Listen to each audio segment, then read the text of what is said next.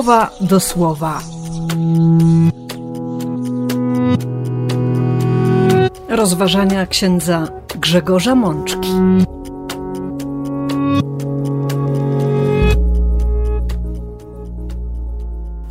Uroczystość w niebo wstąpienia pańskiego. Rok A.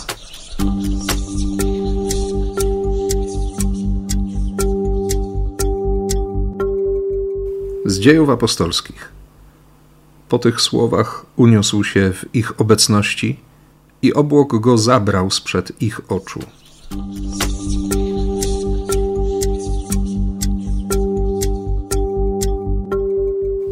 Z Psalmu 47. Śpiewajcie naszemu Bogu, śpiewajcie grając na strunach, śpiewajcie naszemu królowi, śpiewajcie.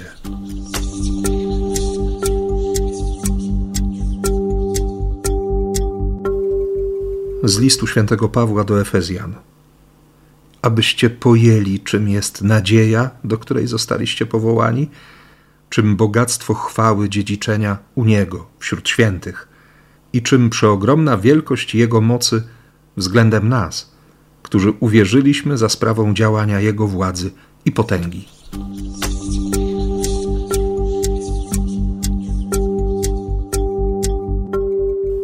Z Ewangelii według świętego Mateusza. Oto ja jestem z wami przez wszystkie dni, aż do kresu doczesności.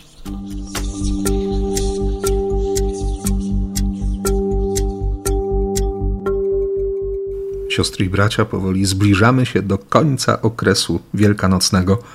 Dziś Kościół zaprasza nas do tego, abyśmy mocno zadarli nasze głowy, popatrzyli w niebo i i obudzili w sobie wiarę, że, że Bóg jest naprawdę bardzo blisko nas. Uroczystość w niebo wstąpienia zachęca nas i zaprasza do tego, żebyśmy przypomnieli sobie właśnie o tej rzeczywistości, która ma być naszym szczęściem, którą Bóg zaplanował jako nasze szczęście. Bóg zaplanował dla nas, przygotował dla nas. Słyszeliśmy całkiem niedawno to stwierdzenie Jezusa, którego uczniowie w czasie ostatniej wieczerzy nie zrozumieli, gdy on porównał siebie do pana młodego, który wraca do domu ojca, by przygotować miejsce tej, którą kocha, by przygotować miejsce kościołowi. I oczywiście wcale nie chodzi o to, by, by uciekać od tego życia, by mieć w nienawiści ten świat, by gardzić tą rzeczywistością. Chodzi o to, by ten świat, tę rzeczywistość potraktować jako, jako przygotowanie, by wiedzieć, że tutaj, właśnie tutaj, w tej rzeczywistości, mogę poznawać Boga, mogę kształtować w sobie tę dojrzałość do pragnienia bycia z Nim na wieczność. Mogę Go poznawać i coraz mocniej kochać, tak by ta miłość, właśnie ta miłość, stała się niebem. To chce nam nieustannie przypominać Jezus i to również jest tajemnicą dzisiejszej uroczystości, w której, jak zawsze, otrzymujemy cztery słowa. Fragment, a właściwie początek dziejów apostolskich, dokonań wysłanników, jak, jak to można będzie przetłumaczyć bezpośrednio z języka greckiego. Psalm 47, który jest komentarzem wyrywającą się z głębi serca radosną odpowiedzią na to, co usłyszymy w pierwszym czytaniu. Później fragment pierwszego rozdziału listu apostoła narodów do gminy chrześcijańskiej w Efezie i wreszcie ostatnie wersety Ewangelii w redakcji świętego Mateusza. A zatem popatrzmy na to słowo. Przekonajmy się po raz kolejny o ogromnej miłości Boga, który przychodzi, który do nas mówi, który nas zaprasza do wspólnej drogi ku niebu. Wydaje się, że to pierwsze czytanie powinno być na końcu, ponieważ e, święty Mateusz, o czym sobie jeszcze powiemy, nie mówi nic o fakcie w niebo wstąpienia Jezusa. Święty Łukasz kończy swoją Ewangelię i rozpoczyna również dzieje apostolskie, właśnie od tego wydarzenia, Uczniowie po 40 dniach, czyli po tym biblijnym czasie, by rozpoznać Jezusa, by mu uwierzyć na nowo, by się w nich dokonała ta zmiana myślenia, bo przecież w poranek zmartwychwstania wszyscy byli zdezorientowani, zrozpaczeni, rozgoryczeni, rozczarowani, chcieli uciec. W miarę upływu czasu, gdy po raz kolejny jeszcze raz i jeszcze raz spotykali Jezusa, odkrywali w sobie szansę na, na zupełnie nową jakość ich wiary. I właśnie po tych umownych, biblijnych 40 dniach, czyli w momencie, kiedy, kiedy wiele się już zmieniło w ich pojmowaniu, w ich postrzeganiu Jezusa, kiedy zrozumieli, że to wszystko miało sens, kiedy doświadczyli, przekonali się, że, że Bóg naprawdę jest Bogiem dotrzymującym słowa. Dalej zadają pytania, których no już byśmy się chyba po nich nie spodziewali. Panie, czy wydarzy się to wtedy, gdy obejmiesz już królewską władzę w Izraelu? Oni ciągle mają nadzieję na to, że obejmą ministerialne teki w rządzie Jezusa, że będą piastowali naprawdę wysokie stanowiska, podczas gdy Chrystus będzie królem Izraela. Tyle wysiłku ze strony mistrza, a oni dalej nie rozumieją. I chyba dlatego Jezus im odpowiada: Nie zajmujcie się badaniem tego, jakie czasy czy pory Ojciec wyznaczył swoją władzą w celu realizacji planów, które od dawna zamierzył. Waszą odpowiedzialnością jest to, abyście przyjęli moc ducha, który do Was przyjdzie, i stali się moimi świadkami w Jerozolimie, w całej Judei, w Samarii i po krańce ziemi. Zadanie ucznia to nie dociekanie tego, co, co ojciec postanowił, jak mają się zrealizować Boże plany. Podstawowym zadaniem ucznia jest przyjęcie mocy ducha. Ducha, który będzie prowadził do całej prawdy, oczywiście. Ducha, który będzie odkrywał pragnienia Ojca Niebieskiego. Ducha, który otworzy przed nami perspektywę takiej relacji z Bogiem, że, że nam się to zwyczajnie w głowie nie mieści. To jest pierwsze zadanie. A przecież wielokrotnie zdarza się, że, że zamiast prosić o Ducha Świętego, prosić o to umocnienie naszej relacji, o tę bliskość z Bogiem, my próbujemy wszystko sobie wytłumaczyć. Próbujemy narzucić nawet Bogu sposób interpretacji naszych czasów, twierdząc, że, że właśnie to jest najważniejsze, że takie jest zadanie Kościoła. Apostołowie usłyszeli, że ich odpowiedzialnością jest przyjęcie mocy Ducha Bożego i stawanie się świadkami. Najpierw dla Jerozolimy, później dla Judei. Potem granice się rozszerzają, a później już jest bez granic. Bo miłość Boża jest bardzo konkretna. Nieraz łatwo się mówi o tym, że, że trzeba kochać wszystkich, cały świat. A przecież przekonujemy się, że najtrudniej okazać miłość tym, którzy są najbliżej, w naszym własnym domu. I według relacji zamieszczonej w dziejach apostolskich, to były ostatnie słowa Jezusa. Potem wzniósł się w górę, został osłonięty obłokiem, a oni byli w niego wpatrzeni. Święty Łukasz jeszcze jakby z pewnym uśmiechem doda, że, że nagle pojawili się dwaj mężczyźni w białych szatach i powiedzieli: Dlaczego jeszcze tu stoicie i patrzycie w górę? Przecież ten Jezus powtórnie przyjdzie. Wtedy apostołowie jakby doszli do siebie i, i wrócili do Jerozolimy. I modlili się. To było spore grono, około 120 osób. Modlili się o Ducha Świętego. Wzięli sobie głęboko do serca słowa, które wypowiedział Jezus. Przestali się wreszcie zajmować rzeczami niepotrzebnymi. Myślę, że to pierwsze czytanie może być swego rodzaju rachunkiem sumienia dla nas dziś.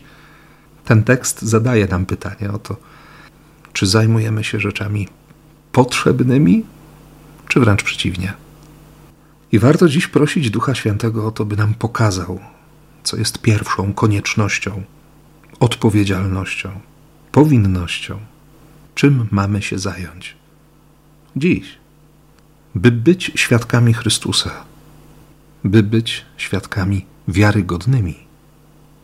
I oczywiście nie chodzi o to, aby, aby tę prośbę, tę modlitwę zanosić w jakimś przygnębieniu, ponieważ zdajemy sobie sprawę z tego, że, że różnie bywa z naszą wiarygodnością, z naszym posłuszeństwem Bogu, z naszą otwartością serca na działanie Ducha Bożego.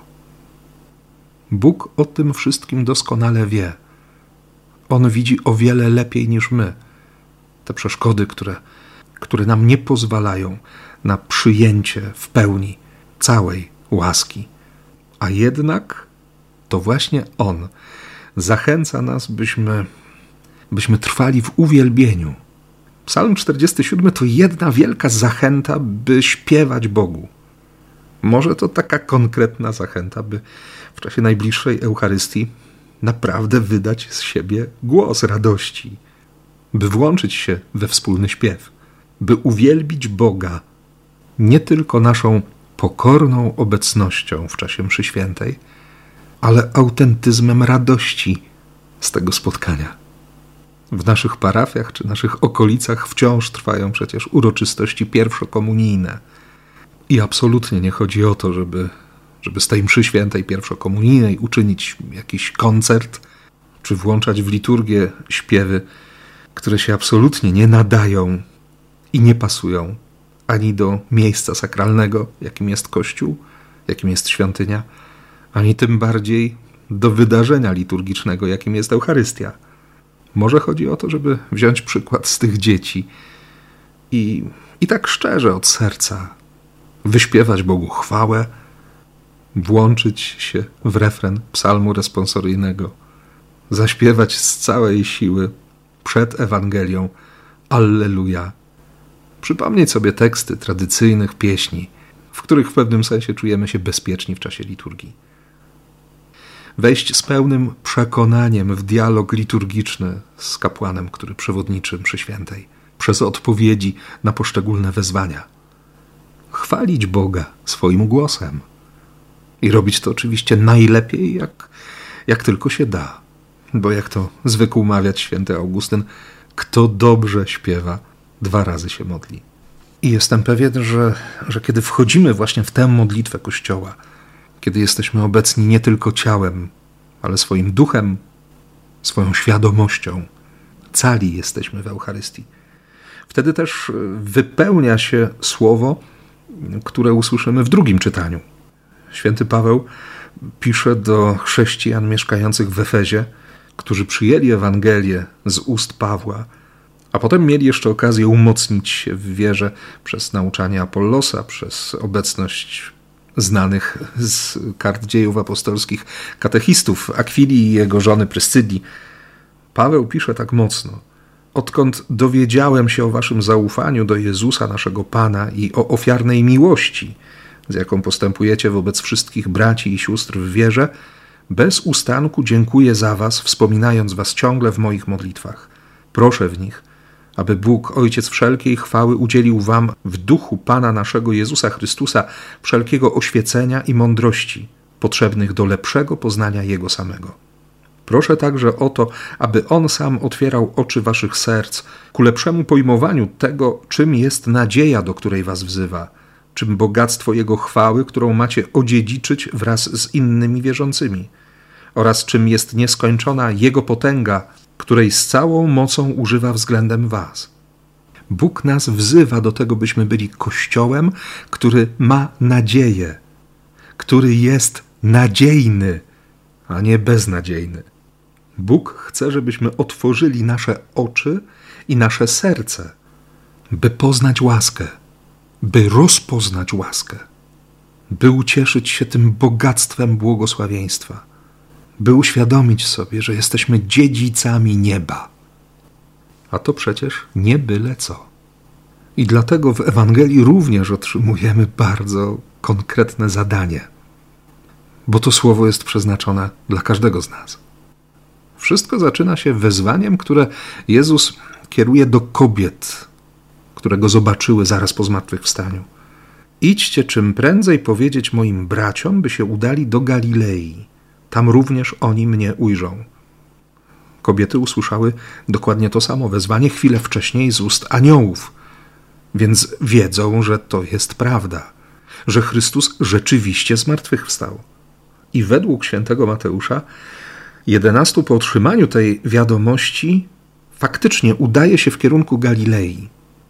Oni ten nakaz, tę zapowiedź usłyszeli jeszcze przed męką, wtedy kiedy szli z Jezusem do ogrodu oliwnego. Więc powtórzenie tego wezwania zdaje się być dowodem zmartwychwstania Chrystusa. Idą. Idą na górę, którą wskazał im wcześniej Jezus. Czy to była góra oliwna, czy, czy jakaś inna góra, tego nie wiemy, przynajmniej nie mówi o tym święty Mateusz. Natomiast wyraźnie pokazuje, że w sercach niektórych z uczniów wciąż pojawiają się wątpliwości. Czekają na Jezusa.